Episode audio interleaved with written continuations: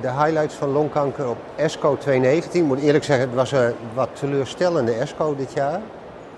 Weinig echt nieuwe zaken. Opvallend was dat er uh, bijvoorbeeld uh, op het gebied van de immunotherapie, waar we de afgelopen jaren heel erg verwend waren met heel veel nieuwe data, eigenlijk heel weinig nieuws was. Ik denk het belangrijkste nieuws waren de kleine neoadjuvante studies. Die laten zien dat wanneer je bij longkanker wat je nog kan opereren, als je daar vooraf een aantal keer immunotherapie geeft, dat dat leidt tot een hele hoge responsrate. In de zin van dat die kanker bijna weggaat tot aan nou, 20, 30 procent pathologische respons. En ik denk dat dat ja, een beetje laat zien dat we nog heel veel moeten leren van die immunotherapie. Maar dat dit nou een goede research tool is om te kijken waarom gaat die kanker nou niet reageren. Want daarna wordt het geopereerd en dan kun je zien wat er overblijft. Ik denk dat dat belangrijke data zijn voor in de uh, nabije toekomst. In ieder geval ook laten zien dat zoiets kan. Dat, uh, dat het niet zo is dat mensen niet meer geopereerd worden omdat je vooraf immunotherapie hebt gegeven. Ik denk dat dat een heel belangrijk, klein weliswaar, maar heel belangrijk is geweest. Op het gebied van de doelgerichte behandelingen, op het gebied van de EGFR-mutaties, waren er vanochtend twee presentaties die denk ik van belang zijn. Enerzijds was er een bevestiging van de bevindingen van vorig jaar, uh, een aantal jaar geleden, sorry. Waarbij het geven van een VEGF-remmer naast een EGFR-TKI leidt tot een enorme verbetering van de progressievrije overleving. Dit jaar werden de resultaten van de Relay-studie uh, uh, gepresenteerd, waarbij patiënten met een EGFR-mutatie erlotinib kregen of erlotinib met ramucirumab. En daar werd eigenlijk weer hetzelfde gezien, namelijk dat de progressievrije overleving heel veel verbeterde. Uh, met een hazard ratio van 0,6 ongeveer, dus dat is echt 40% minder uh, uh, kans op progressie. Maar ja, waar zitten we nu met die data? Want er is nu osimertinib en de vraag is, ja, zou VEGF-remmers daar eenzelfde soort effect hebben. Nou, ik denk dat dit allemaal een beetje niet direct data zijn om direct toe te passen, maar wel voor de toekomst belangrijk zouden kunnen zijn om een strategie eh, te ontwikkelen in combinatie met de moderne uh, EGFR-remmers. Daarnaast was er een studie uit India. Dat was eigenlijk een bevestiging van een Japanse studie van vorig jaar, waarbij chemotherapie gedurende een korte periode werd gegeven, samen met een EGFR-TKI of alleen een EGFR-TKI. En ook daar was, net zoals in de Japanse studie van vorig jaar, een enorme verbetering van de progressievrije overleving. En de Japanners hadden een overlevingsvoordeel, dat kon hier niet aangetoond worden, met betrouwbaar aangetoond worden. En ook dat is denk ik een, een studie die, laat ik zeggen, het denkwerk heeft uh, uh, verricht voor toekomstige studies, waarin we moderne EGFR-remmers gaan gebruiken. En de vraag is hoe je die chemotherapie daar dan bij moet geven. Misschien moet je dat heel kort in het begin doen.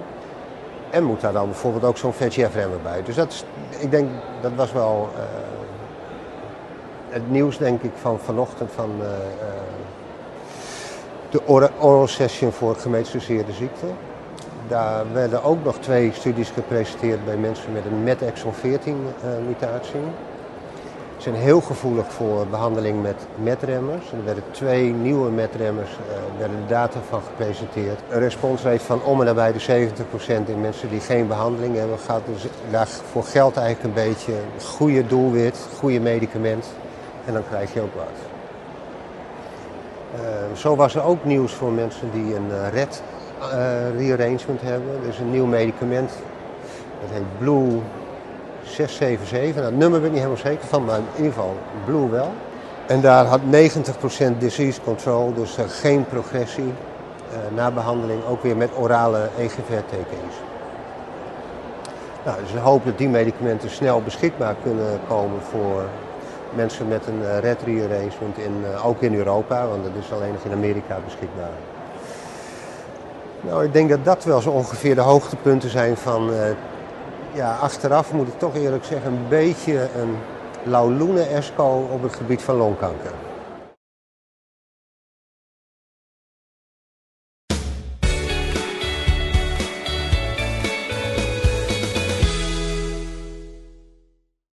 Ik had vanochtend de poster in de niet-kleincellige gemetastaseerde sessie. En dat ging eigenlijk over eh, de Clinical Trials in Progress sessie.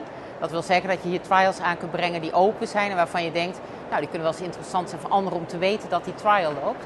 En dit was onze ENVAL 22 studie, dus een studie vanuit, eh, vanuit Nederland, vanuit de ENVAL, waarin we kijken bij patiënten die een KRAS-mutatie hebben. Dus dat is een derde van de patiënten. En die randomiseren we tussen twee soorten standaard chemotherapie. Cisplatin pemetrexed, wat in Nederland eigenlijk het meeste gebruikt wordt. En een ander schema, carbopaclitaxel bevacizumab.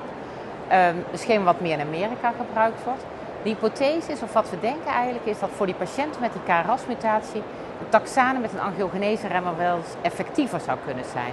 Dat hebben we uitgezocht in een retrospectieve serie. Die is in 2015 al uh, gepubliceerd door Wouter Mellema.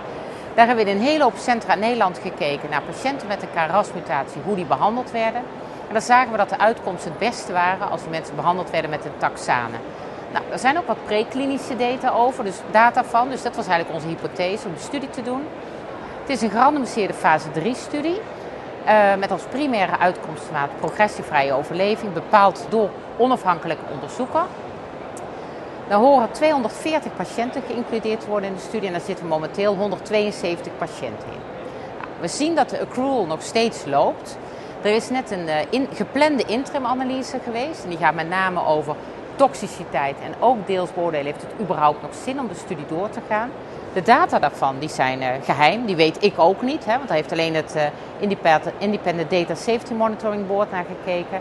En uh, die hebben het advies gegeven dat de studie door kan gaan. Dus ik denk dat dat een mooi bericht is. Nou, waar heeft die studie last van? Die studie heeft last van het feit dat immunotherapie eigenlijk eerste behandeling is geworden. Nou, we hebben een amendement gemaakt op de studie.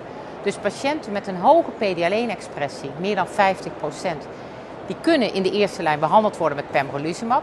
En die mogen bij progressie dan nog steeds in de studie, waarbij ze gestratificeerd worden op basis van die, of in ieder geval wat is een stratificatiefactor geworden. Nou, naast dit hebben we natuurlijk nu ook in de eerste lijn gekregen de combinatie chemo- en immunotherapie. Nou, die patiënten kunnen niet meer daarna gerandomiseerd worden. Wat denk ik belangrijk is, en we wisten al een beetje dat dat was, en dat is nou bevestigd hier op deze ESCO, is dat uh, patiënten met het STK11, LKB1 verandering, mutatie, dat die waarschijnlijk geen effect hebben van immunotherapie. Nou, die STK11, LKB1, dat is ongeveer aanwezig bij de helft van de patiënten met een KRAS-mutatie. Dat werd hier op ESCO niet zo gebracht. Daar ging het puur over die STK11 en LKB1. Dus werd niet in relatie met KRAS gelegd. Maar wat ze zagen in een hele grote subgroepanalyse van de internationale gerandomiseerde studies, dat die patiënten geen profijt hebben van immunotherapie, ook niet de combinatie chemo- en immunotherapie. Dus voor mijn gevoel zeggen deze data dat die patiënten, dat is een helft van de KRAS, dat je die prima met alleen maar chemo kunt behandelen, of die zelfs waarschijnlijk het beste af zijn met alleen maar chemo, en dus ook in deze studie geïncludeerd kunnen worden. Nou, dan zul je misschien afvragen van hoe weet ik nou of een patiënt die STK11, LKB1 heeft? Dat zit in verschillende NGS-panels uh, al uh, ingebouwd. Dus ik zou de longartsen die dit horen willen vragen, praat eens met je moleculair, uh, klinisch moleculair bioloog in de pathologie. Wat er in het NGS-panel zit en of het in de toekomst mogelijk wordt om deze, denk ik, belangrijke biomarker te weten. Nou, al met al, uh, mijn poster ging natuurlijk over een trial in progress, dus ik heb geen uitkomstdata. Er was wel interesse bij de poster, mensen vinden het interessant, want we zijn eigenlijk de enige in de wereld die zo'n studie doen waarbij we naar de eerste lijn gaan kijken bij patiënten met een KRAS-mutatie, dat is een derde van de totale populatie, om te kijken welke chemo het beste is. Nou, wat verder heel interessant is, dat we er ook transactioneel onderzoek aan koppelen. Dus we gaan binnenkort alle tumormateriaal opvragen van deze patiënten. Dan gaan we natuurlijk kijken naar die STK11, LKB1. Dan gaan we kijken naar PDL1-expressie. We gaan kijken naar uitkomsten op immunotherapie. Uh, dus ik denk dat deze studie in, ons heel veel gaat leren en dat we in Nederland eigenlijk trots mogen zijn als we deze gaan uh, volbrengen. Dus het zou heel mooi zijn als iedereen, alle 20 centra die meedoen, blijven includeren in de studie.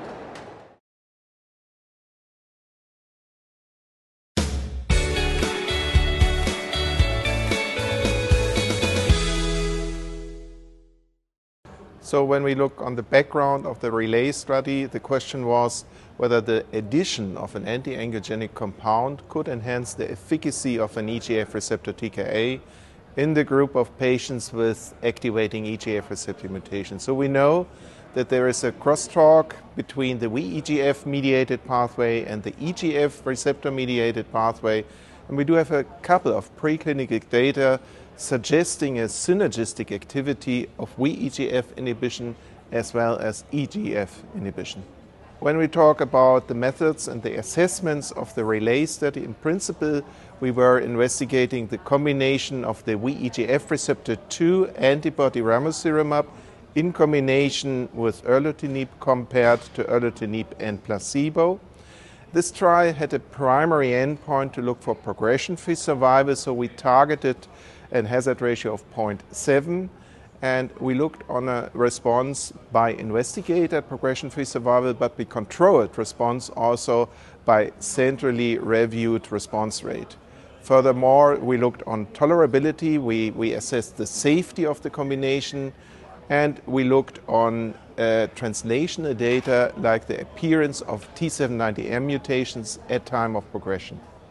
Well, when we talk about the most important outcomes, uh, I think we have seen a relevant improvement of progression-free survival favoring the combination of ramucirumab and erlotinib.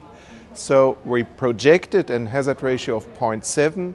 We have seen an even better hazard ratio of 0.59 which translated to a prolongation of median progression-free survival from 12 up to 19.4 months, which is an important signal. Furthermore, we also did observe a prolongation of duration of response favoring the combination of ramucirumab and erlotinib. We have seen the uh, known tolerability aspects or side effects associated with erlotinib, which means we have seen some patients with skin toxicity and GI toxicity. We also have seen the side effects associated with the use of ramucirumab, like hypertension and proteinuria in a couple of patients. But overall, we haven't seen any new side effects associated with the combination of these two compounds. Well, when we look on the potential implementation of this data, I think this is an additional trial showing the superior activity of combining an anti-angiogenic agent with an EGF receptor TKA. While we have to compare this data with the available data on osimertinib as a first-line treatment opportunity, the progression-free survival in Relay was a little bit better compared to osimertinib in frontline treatment. And I think we also have to take into account that we are not only focusing on first line. So we have to see the whole patient's career. We also have to see the subsequent lines of therapy. And when we look on ramucirumab and erlotinib, I think this provides a new great opportunity for an upfront uh, medication of the patient and simultaneously it will give us the opportunity to offer the patient osimertinib when he progresses and uh, when he does have a T790M resistance mediating mutation.